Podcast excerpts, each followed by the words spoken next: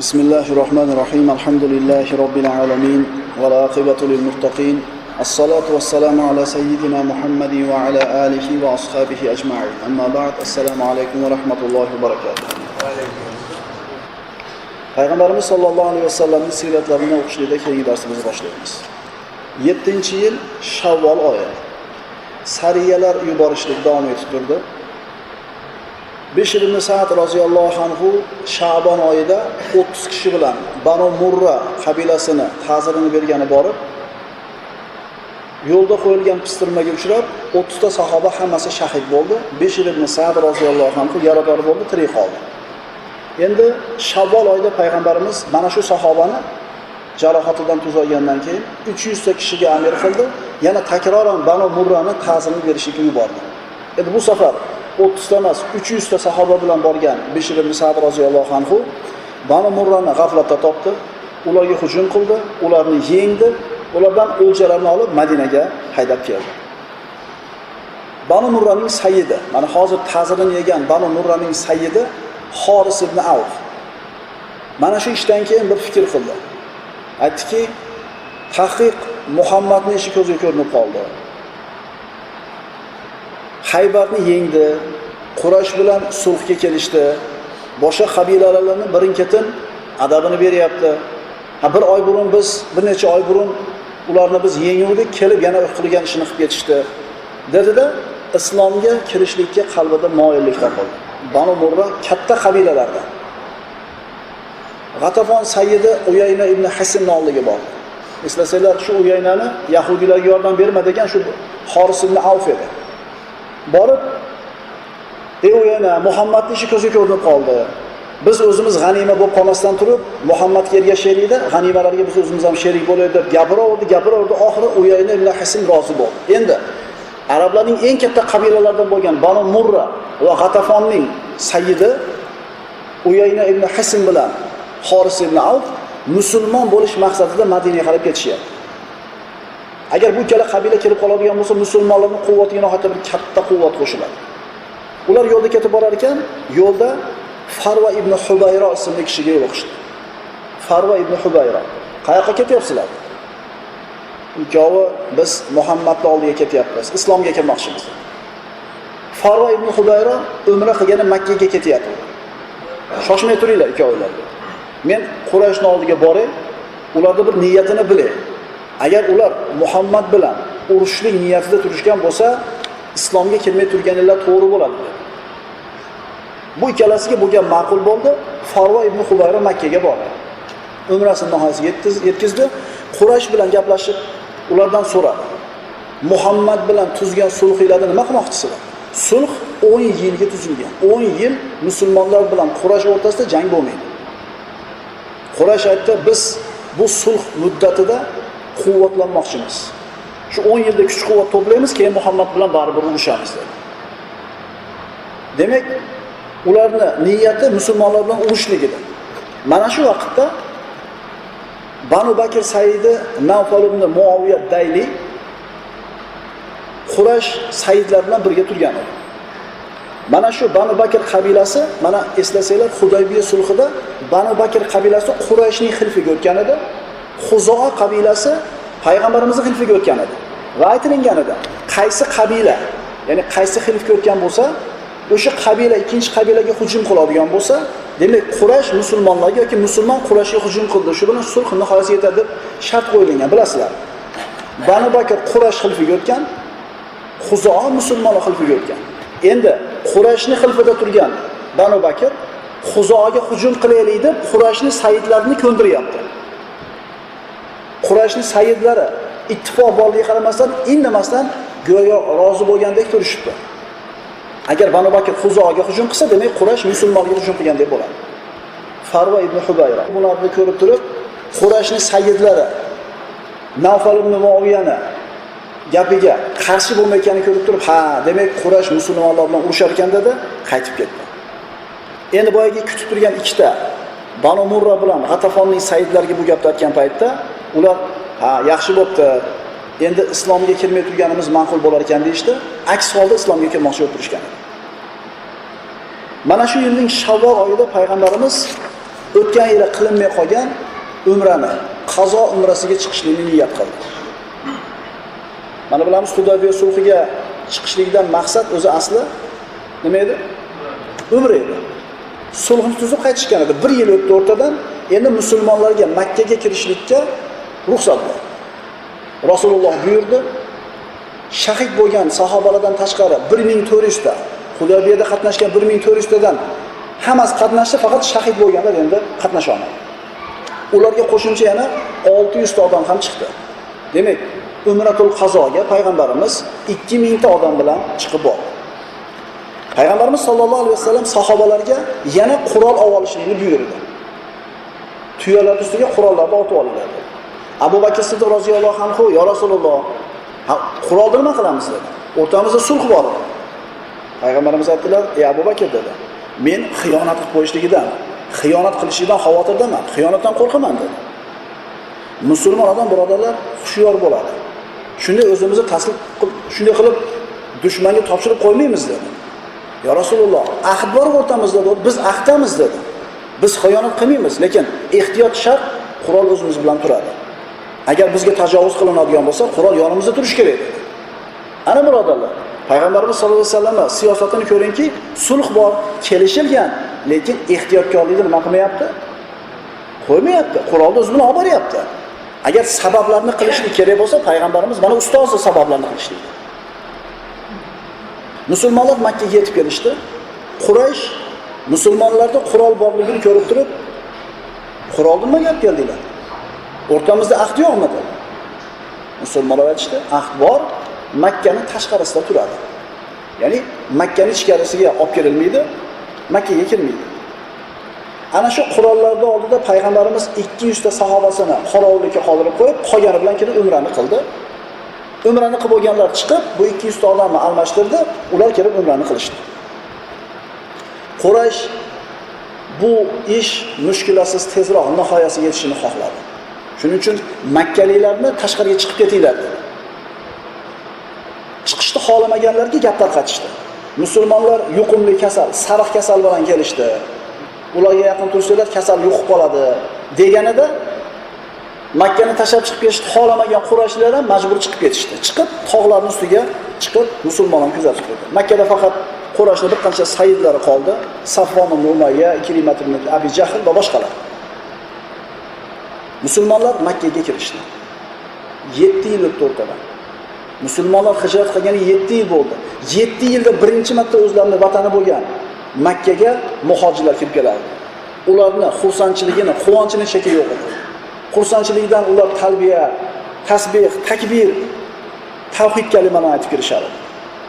Musulmonlar tavof qilar ekan, payg'ambarimiz Qurayshni tarqatgan gapini eshitib qoldi. Qurayshni tarqatgan gapidan xabar topdi-da, aytdilarki, ya'ni bu gapni asosi yo'q, yolg'on ekanligini bildirish uchun payg'ambarimiz sahobalariga o'zidagi quvvatni ko'rsatgan kishini bugun Alloh rahmat qilsin dedi. Ya'ni quvvatli, sog'lom ekanini ko'rsatib qo'ygan kishini Alloh rahmat qilsin dedi. So'ngra payg'ambarimiz sollallohu alayhi vasallam ehromini o'ng qo'ltig'idan olib yelkasiga tashlab, o'ng yelkasini ochdi. Hamda ramla qildi. Ramla bu mayda-mayda qadam tashlab, mayda-mayda qadam tashlab, yelkalarni silkitib, yugurishga yaqin tez yurish. Ya'ni silkitib yelkalarni yurishlikki, bunga kasal odam, quvvatsiz odam qodir bo'lmaydi. Va mana shu narsa keyin tavofda sunnat bo'lib qoldi. Bu tavoful qudumda. Keyingi tavoflar bunday qilinmaydi. Mana hajga boradigan akalarimiz agar eslasanglar, o'sha birinchi 3 kurugda 3 shavutda deyiladi mana. Shu yengil probeshka deydi. bizni tilda endi osonroq probeshka desa osonroq tushunamiz. Yelkasini silkitib, yengil yugurgansizlar. 4-shavutga o'tganda endi oddiy yurildi. Mana shu kuni payg'ambarimizdan bu sunnat bo'lib qoldi. Makkaliklar tobusdan qarab ko'rishib turib, vallohi ularda hech qanaqa kasal yo'q shekilli. Chunki bu ishni kasal odam qila olmaydi dedi işte. Keyinchalik bu ish sunnat bo'lib qoldi. Faqat erkaklarga bu sunnat. Ayollar unaqa ramla qilishmaydi. Tavof qilar ekan, sahobalar xursandchiligi nihoyatda bir baland, cheksiz quvonib turishgan Abdulloh ibn Ravoha shoir bo'lgan u kishi. She'r o'qidi. Tavof qilyotib she'r o'qidi. she'rni mazmunida tahdid bor edi qurashga Biz sizlarni qatl qildik, biz sizlarni o'ldirdik, biz sizlarni yengamiz. Umar ibn Hattob Abdulloh ibn Ravohani bu she'rini eshitib turib achchig'i keldi. Birinchidan, achchig'i kelishining birinchi sababi tavofda she'r o'qiyapti. Tavof birodarlar ibodat. Ibodat. Uni orasida she'r o'qib bo'lmaydi. Ikkinchidan, musulmonlar qurolsiz aylanyapti. Agar bu she'ridan Qurayshlar eshitib, g'azablanib, qurol bilan tashlansa, musulmonlarni qo'lida quroli yo'q. Mana shu ikkita sabab bilan Umar ibn hattob g'azabi keldi. Ibn Ravoha dedi, "Nima deyapsiz?" dedi. "To'xtating" deb Umar ibn hattob achchig'i keldi. Buni payg'ambarimiz eshitdi. "Ey Umar" dedi payg'ambarimiz. "Men eshitib turibman" dedi. "Men eshitib turibman" dedi. So'ngra Abdulloh ibn Ravohaga "Ey ibn Ravoha" dedi. Siz shunday deng dedi. La ilaha illa wahda. Sadaqa va'da va nasara abda va azza junda va hazama al-ahzaba wahda. Mana shunday deng dedi. Abdulloh ibn Ravoha she'rini qo'yib baland ovoz bilan mana shu kalimalarni qaytardi. Mana shu ish ham sunnatga aylandi. Umrani tugatib payg'ambarimiz qurbonlik qildi. Umrada qurbonlik qilishing vojib emas, bu sunnat. Lekin qilgan odamga katta ajr bor, lekin vojib emas. Sahobalar ham jonli so'rashdi. So'ng payg'ambarimiz Qurayshliklarga Ikrimat ibn Abi Jahl turgan edi, musulmonlar bilan bordi keldi aloqalarida. Ka'bani kalitini so'radi. Ka'bani ber, kalitini beringlar, biz Ka'baga kiramiz. Ikrima aytdi, yo'q. Sulhda Ka'baga kirishlik yo'q. Tavof qilasizlar, kalitni bermaymiz. Odatda o'zi sayyidlari, Qurayshning sayyidlari tavof qilganlarida ularga ochib beriladi. Kalitni bermaganidan keyin payg'ambarimiz sollallohu alayhi vasallam Bilol roziyallohu anhuga "Ey Bilol, Ka'bani ustiga chiqib ozon ayt" dedi. Osilib chiqdi Bilol roziyallohu anhu. Ozon aytishni boshladi. Birinchi marta kabatullohni ustida islom kelganiga birodarlar 20 yil bo'ldi. 13 yil Makkada 7 yil Madinada 20 yil deganda Ka'batulloh ustida birinchi marta tavhid kalimasi e'lon qilinyapti. Bilol ozon aytdi. Allohu akbar, Allohu akbar. Allohu akbar, Allohu akbar. Ashhadu an la ilaha illalloh. Ashhadu an la ilaha illalloh. Ashhadu anna Muhammadar rasululloh. Ashhadu anna Muhammadar rasululloh. Ikrimat ibn Abi Jahl ozonni eshitib turib bu qulni Ka'ba ustida ozon aytganini ko'rsatmasdan Alloh Abul Hakamni rahmat qildi dedi. Ya'ni otasi Abul Hakam, Abu Jahl. Otam Abul Hakam mana shu qulni ozon aytganini ko'rmasdan o'lib ketib, Allohni rahmat qilib qo'yibdi dedi. Yaxshi ham o'lib ketgani, bechora otam ko'rmasdan o'tib ketdi shu narsani, bunday xorlikdi deb turib, o'zlariga xorlik deb bildi. Musulmonlarni, ya'ni mana Bilolni Ka'bani ustida ozon aytishligi Ka'baga musulmonlarni kirgizishdan ko'ra og'irroq bo'ldi Qurayshga. Musulmonlar 3 kun turishdi. Amallar tugagandan keyin 3-chi kuni Iklima keldi. Qurash elchisi. Muddat tugadi dedi. Vaqt tugadi dedi. Chiqinglar dedi. Payg'ambarimiz sollallohu alayhi vasallam yana ham ko'proq turishlik maqsadida "Ey Iklima" dedi. "O'tir" dedi. "Meni taomimni ye, mehmonim bo'l bu bugun meni" dedi. Iklima esa aytdi, "Meni bunga hojatim yo'q" dedi. Bizni yerimizdan chiqinglar. Sa'd ibn Uboda roziyallohu anhu chidamadida bu yer sizlarning yeringlar emas dedi. Bu Rasulullohning yeri dedi. dedida ikkili mana so'kishni boshladi. Payg'ambarimiz sallallohu alayhi vasallam aytdilar, bu safarimizda biroz so'kilmaydi, to'xtating dedi. Umra tugadi. Qurashning sayyidlaridan emas, ahmoqlaridan bo'lgan bir to'p odamlar bular umra qilishi bo'ldi, mana endi sulh tugadi. O'zi sulh 10 yilga tuzilgan. Faqat umra uchun tuzilgan deb turib, ular Makkadan tashqariga chiqqanda ular bilan urushamiz deb qurollarni olib tayyorgarlik ko'rishni boshladi. Payg'ambarimiz bekarga qurol olib kelmagan edi. Bu Qurashning sayidlari emas, ahmoqlari, tentaklar. Bundan xabar topib payg'ambarimiz odam jo'natdi ularga. Agar xohlasanglar urushib qo'yamiz. Chunki biz qurol bilan kelganmiz dedi. Bu ahmoqlar payg'ambarimizni bu ishidan bexabar bo'lganligi uchun qo'rqishdi, bu shashlaridan qaytishdi. Payg'ambarimiz sollallohu alayhi vasallam Makkadan chiqdi, tashqariga chodir tikdi. Shunda Xolid ibn Validning inisi Abbon ibn Validni uchratdi. Abbon ibn Valid Xolidning inisi. Nabiy sollallohu alayhi vasallam unga: "Ya Abban, ayna Xolid?" Inna li Xolid aqlan yahdi va la in kanat shawkatuhu ma'ana lanukrimannahu va. Ey Abbon, Xolid qayerda? Xolid ibn Valid mushrik, Makka da. Uni to'g'ri yo'lga boshlovchi aqli bor. Ya'ni nima uchun mana shunday aqlli kishi islomni haq ekanligini ko'rmayapti? Agar uning shavkati biz bilan birga bo'lsa, biz uni hurmat qilgan bo'lar edik. Unga izzat ikrom ko'rsatgan bo'lardik dedi.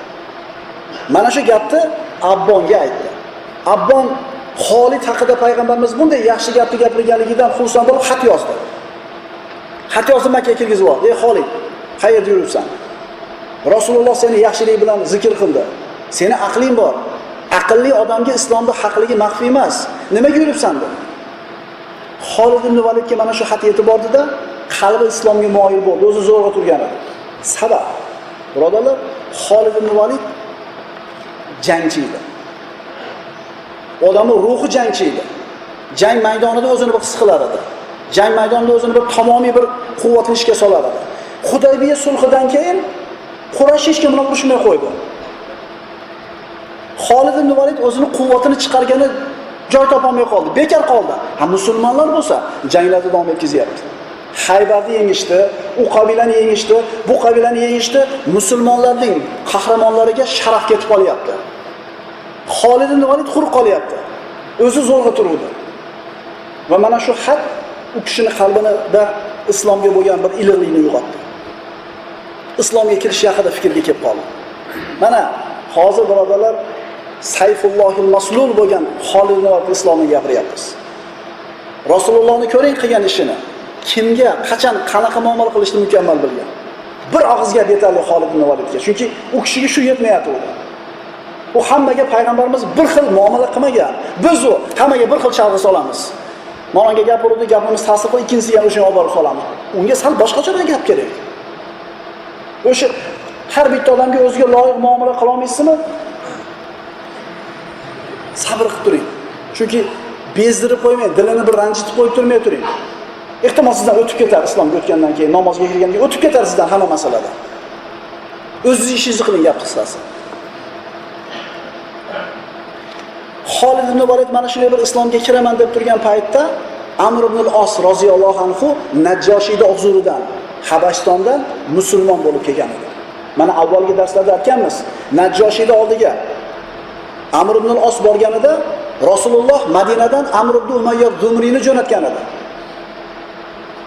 Amr musulmon bo'lgan Amr ibn Umayyani ko'rganida Najjoshiga buni menga asr qilib tutib ber, olib ketaymen degan edi. Shunda Najjoshi achchig'i kelib, oldiga Jabroil keladigan kishining elchisini tutib ber deysanmi degan edi. Shunda najjoshiy Amr ibn osga islom nima, vahiy nima, tavhid nima tushuntirdida, shu yerda musulmon bo'lib kelgan edi. Endi Amr ibn os arablarning daholaridan bo'lgan Amr ibn os musulmon bo'lib keldi. Amr ibn os chiqib ketyapti. holid ibn Valid ko'rib, "Qayerga ketyapsan?" dedi. bo'ldi "Amr ibn os Madinaga" dedi. holid "Bobolaringni dinidan kechdingmi?" dedi.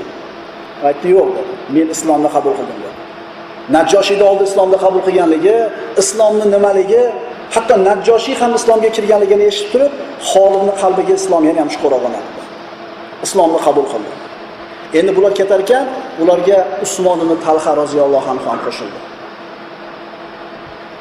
Ummu Salama onamiz hijrat qilganida bolasi bilan yo'lda Usmon ibn Talha kelayotgan bo'ladi. Tuyasini ustiga o'tkazib turib, Madinagacha olib borib qo'yib, shuncha bir uzoq masofaga olib borib qo'yib, bir og'iz rahmat so'ramasdan sizlarni otinglar bu joyda deb turib shuni qo'yib qaytib ketgan edi. Arablarning ichida eng karamli kishi Usmon ibn Talha degan Ummu Salama onamiz roziyallohu anha. Mana shu kishi Ya'ni Usmon ibn Talhani Qurashda ichidagi hurmati Amr ibn al-Osdaqa, Xolid ibn Validdaqa. Mana shu uchala Qurashda eng zo'r yigitlari endi Madinaga kirib kelishdi. Payg'ambarimiz sollallohu alayhi vasallam ular uchalasi Madinaga kirib kelganida xursand bo'lib, baland ovozi bilan Romatkum Makka bi. Ya'ni Quraysh sizlarga, Makka sizlarga yigitlarni eng zo'rlarini jo'natibdi dedi Uchala sahoba mana shu davrda 8-yilning avvalida islomga kelishdi. Yana musulmonlarga xursandchilik bo'lib, eslanglar, payg'ambarimiz sollallohu alayhi vasallam Handaq nihoyasiga yetganida ulug' so'zlatgandilar. Bugundan boshlab bizga hujum qilishmaydi. Endi biz hujum qilamiz degan. Chunki shu Handaq g'azotigacha har ham mashaqqat bo'lsa, hammasi bo'lib bo'lgan edi. o'n ming qo'shin kelgan edi musulmonlar ustiga. 300 ta musulmon ustida ro'parasida. Mana shunga sabr qilib turishib berdi, Alloh taolo g'alaba berdi, fath berdi. 8-yilning Jumadul avval oyida Xuzoa qabilasi, musulmonlarning xilfiga o'tgan Xuzoa qabilasi islomni qabul qilganligini e'lon qilib elchi yuborishdi. Hammasi emas, lekin aksari qismi musulmon bo'lgan. Rasululloh Umratul Qazoni nihoyasiga yetkazganidan keyin endi dunyo podshohlariga maktub yubordi. Dunyo podshohlariga maktub yubordi. Rum podshohi Xiraqlga, Qaysarga yoki Dehiyat al-Kalbi roziyallohu anhu maktub olib boradigan bo'ldi.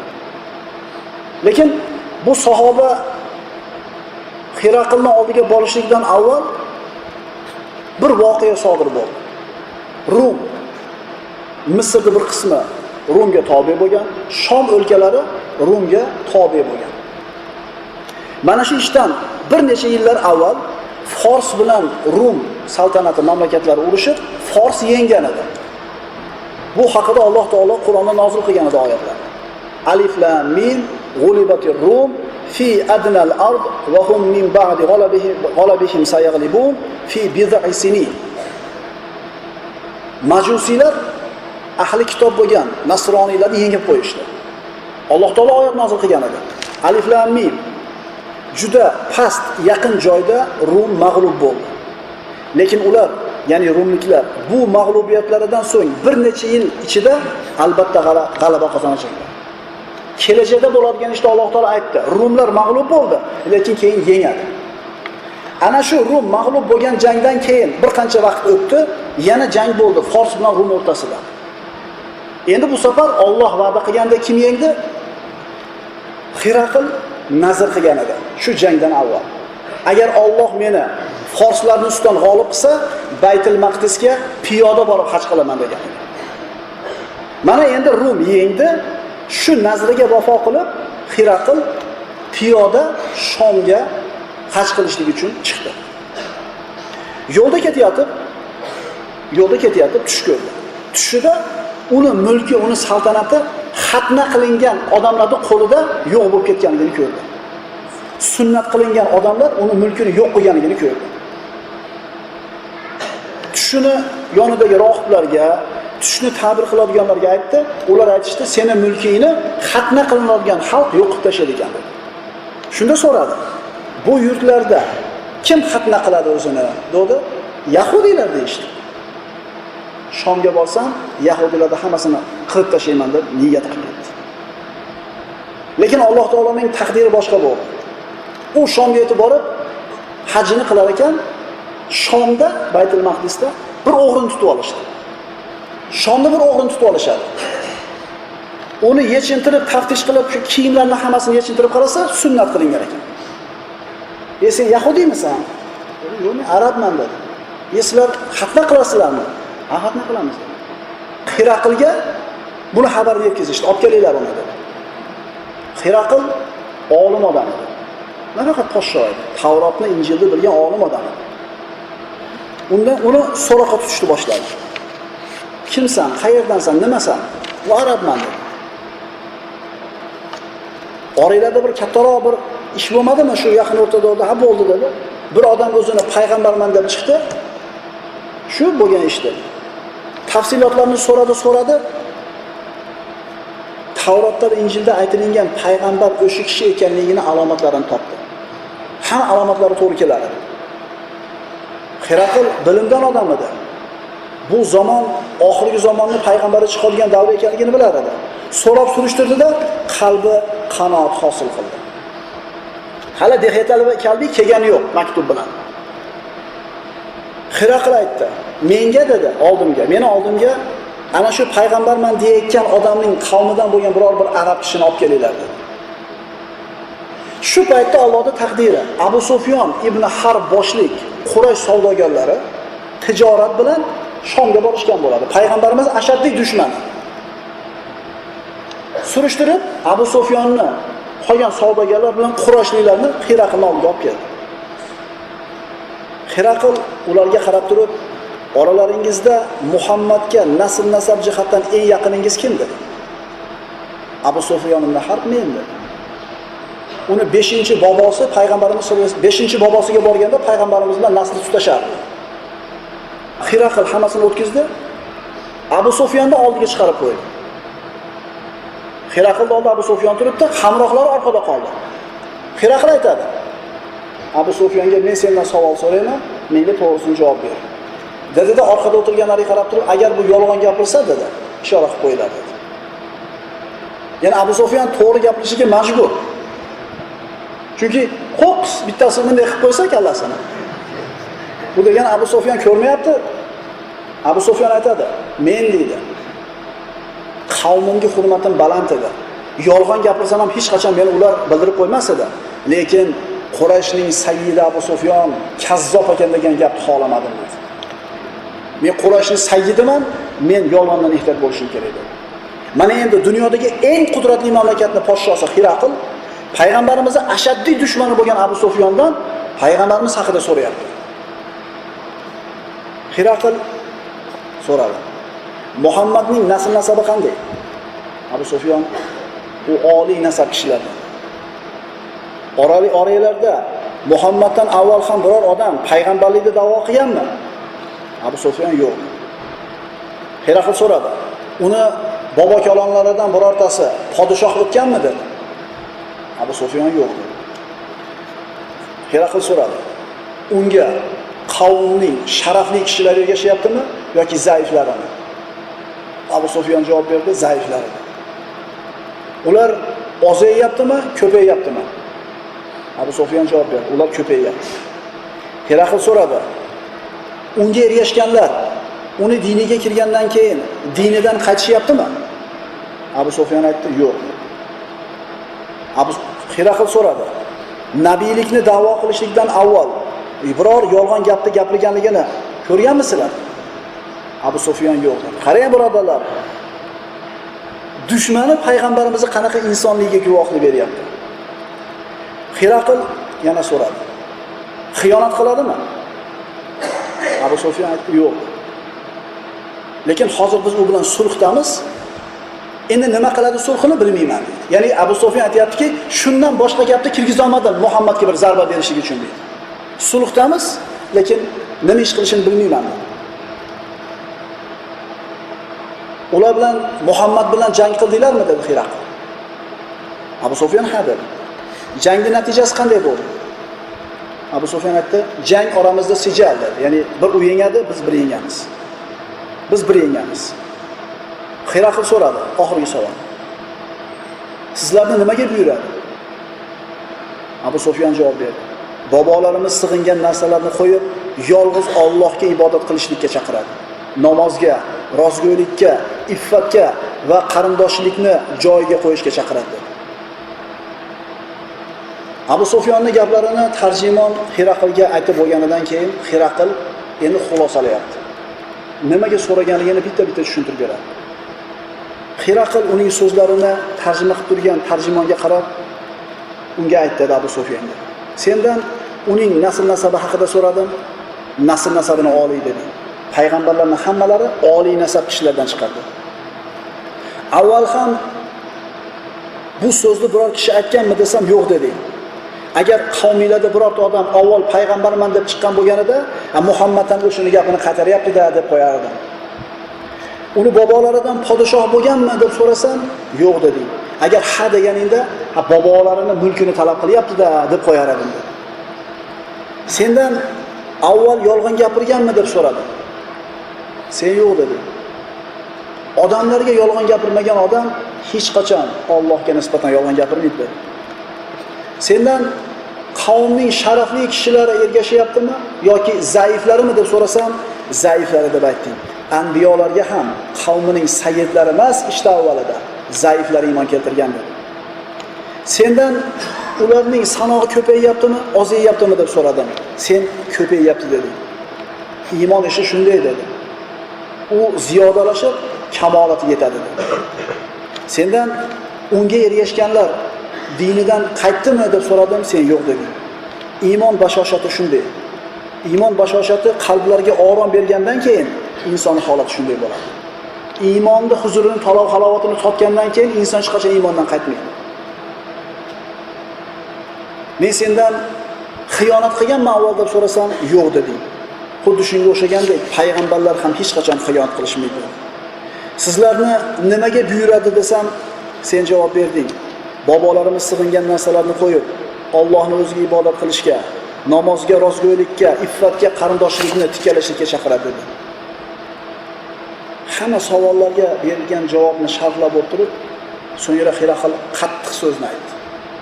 Dunyodagi eng qudratli o'sha davrdagi mamlakatni podshosi eng qudratli podshoh agar dedi sen aytgan so'zlar haq bo'lsa men bosib turgan mana bu shu joy yaqinda uni hukmiga o'tib ketadi dedi. Agar sen aytgan gap rost bo'lsa u meni mulkimni qo'limdan tortib oladi dedi. Uni chiqishini bilar edim lekin sizlardan chiqishligini o'ylamagan edim. Agar men unga yo'liqishimni bilsam agar men uni huzurida tursam o'z qo'llarim bilan uni oyog'ini yuvib qo'yardim. Dunyodagi eng katta podsho muhammad alayhissalomni ro'parasida tursam oyoqlarini yuvib qo'ygan bo'lardim. Abu sufyon hiraqilni oldidan mana shunday bir so'zlar bilan chiqdi. Qalbida birinchi marta islomga moyillik mana shu joyda paydo bo'ldi. O'zini hamrohlariga aytdiki tahqiq abu kapishning ishi zohir bo'libdi dedi. Payg'ambarimiz abu kapish deyishardi ya'ni dunyodagi eng katta podsho qilib qo'rqyaptimi? Demak muhammadni ishi ko'zga ko'rinib qolibdi dedi. Xiraqil abu sufyon bilan uchrashib bo'lganidan keyin dehyatal kalbi endi hatto olib keldi mana endi yetib keldi. Xiraqilga berdi. Bu maktub hozirgi kunda bor. Tarixiy yodgorlik sifatida saqlanadi. Angliya muzeyi ana shu xat yettinchi melodiy yilda yozilganligini bir tan olgan. Bu xatlar bor. Maktubda shunday deyilgan edi. Endi abu sufyon bilan uchrashib bo'lgandan keyin hiraql maktubni o'qiyapti. Maktubda shunday deyiladi. Bismillahi rohmanir rohim allohning elchisi muhammaddan rum podshohi hiraqlga hidoyatga ergashganlarga salom bo'lsin. Albatta men seni islomga da'vat qilaman. Islomga kir omon bo'lasan. Olloh seni ajringni ikki barobar qilib beradi. Agar yuz o'girsang agarigin ya'ni rumliklarning gunohi seni yelkangda bo'ladi. Ey ahli kitoblar siz biz oramizdagi barobar bo'lgan kalimaga kelinglar.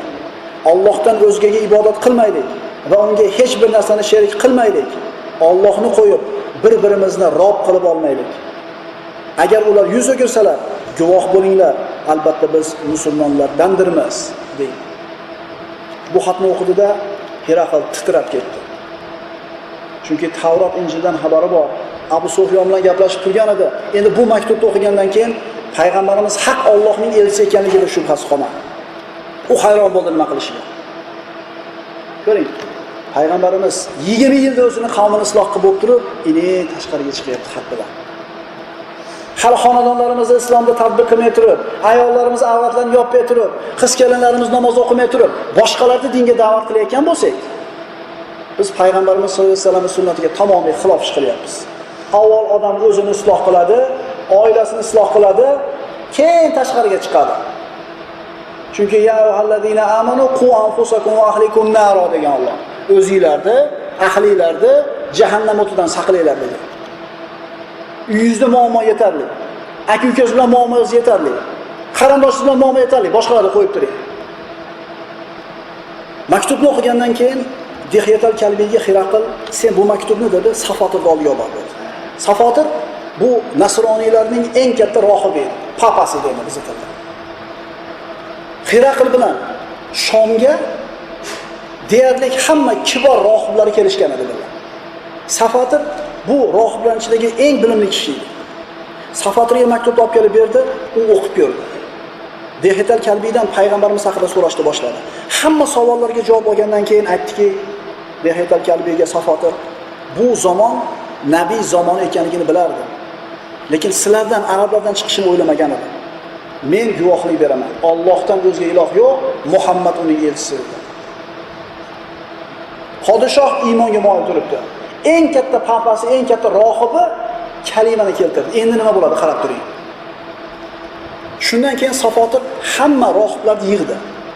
Yig'ib ularga maktubni o'qib berdi. Hamma dindor kishilar.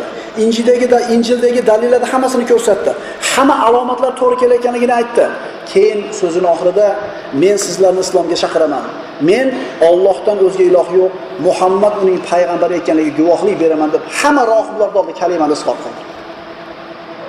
Rohiblar qo'rqib ketishdi. Agar safati iymonga kelsa, odamlar nasroniylik, masih dinini qo'yib turib, islomga o'tib ketishdan xavotir oldida, turib mana shu rohibni o'tirgan joyda qatl qilib qo'yishdi. Safatir shahid bo'ldi. Dehyatal kalbi uni o'ldirganligini eshitib Hiraql oldiga bordi. Nima qilamiz endi? Herakl aytdiki, Allohga qasam, Safatir ular uchun mendan ko'ra azizroq dedi. Mendan ko'ra azizroq ular uchun. Endi uni o'ldirishgan bo'lsa, menga qanday muomala qilishardi? Keyin Herakl buyurdi. Rohiblar, hamma qissislar, hamma bir kiborlarni bitta qasrga yig'di. Hammasi to'plangandan keyin eshiklarni tashqarisidan bekitdi. Bitta xonaga to'pladi. O'zi ularning oldiga chiqmadi, shu xonaga chiqadigan balkonga chiqdi. Tevada turib, pastga qarab gapiryapti. Ularga Rasulullohdan kelgan maktubni o'qib berdi. Injilda aytilgan hamma alomatlarni bildirdi. alomatlarni hammasi to'g'ri kelayotganligini aytdi. Hamda Muhammad Alloh tomonidan yuborilgan payg'ambar ekanligini bildirib, ashhadu an la ilaha illalloh va ashhadu anna Muhammad rasululloh dedi. Rohiblar norozi bo'lib eshikka qarab o'zini urib olishdi. Chunki itoat qilmasak qatl qiladi deb qo'rqishdi. Hammasi o'zini eshik ko'rdi, eshiklar yopiqligini ko'rgandan keyin yana joyiga qaytib kelishdida aytishdiki, agar bizni hammamizni qatl qilib yuborsang ham Masih dinidan qaytmaymiz deyishdi Haqiqatan islomni qabul qildi, lekin qavmi qabul qilmadi. Hiraql ikki o'tni o'rtasida qoldi. Islomda qolsa, mulkidan ajraydi. Agar mulkida qolaman desa, islomni inkor qilish kerak. Dunyo bilan oxirat o'rtasida ixtiyor qilish kerak. Holat shunaqaligini ko'rgandan keyin rohiblarga qarab, men dedi islomga kirganim yo'q dedi. Muhammadni ishi zohir bo'layotganligini ko'rib turib, sizlarni diniylar haqida qayg'urdim. Sizlarni sinamoqchi bo'ldim. Endi sizlar diniylarda sobit turganinglarni ko'rib, sizlar bilan men birgaman dedi. Shundan keyin rohiblar undan rozi bo'lishdi. Hiraql o'zini oldiga dehetal kalbini chaqirdi. Sovg'a salomlar berdi, oltin dinorlar berdi turib, aytdiki, borib Rasulullohga aytdi. Men Allohdan o'zga iloh yo'q va Muhammad uning rasuli deb guvohlik berdim. Qalbimda islom bor, lekin ularni tinchlantirish uchun shu so'zlarni aytishga majbur bo'ldim dedi. Islom meni qalbimda bor dedi.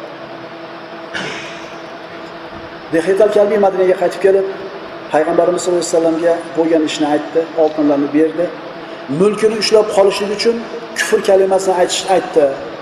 Kufr kalimasini aytdi. U islomni qabul qildi dedi. Payg'ambarimiz aytdi, Allohning dushmani. Allohning dushmani yolg'on gapirdi. U musulmon emas dedi. Dunyosini yengib qo'ydi. Haqiqatan dunyosini yengib qo'ygan. Uni holati Najjoshiydaqa bo'lmadi. Najjoshiy ham kalima keltirgan edi, lekin sobit qolgan edi. Tangalarni faqir musulmonlarga tarqatishga buyurildi. Payg'ambarimiz jo'natgan maktublari dunyo podshohlariga mana shunday ta'sirini ko'rsatdi. Inshaalloh keyingi darsda qolgan podshohlarga yuborilgan maktublarni o'qigan bo'lamiz. Assalomu alaykum va rahmatullohi va barakatuh.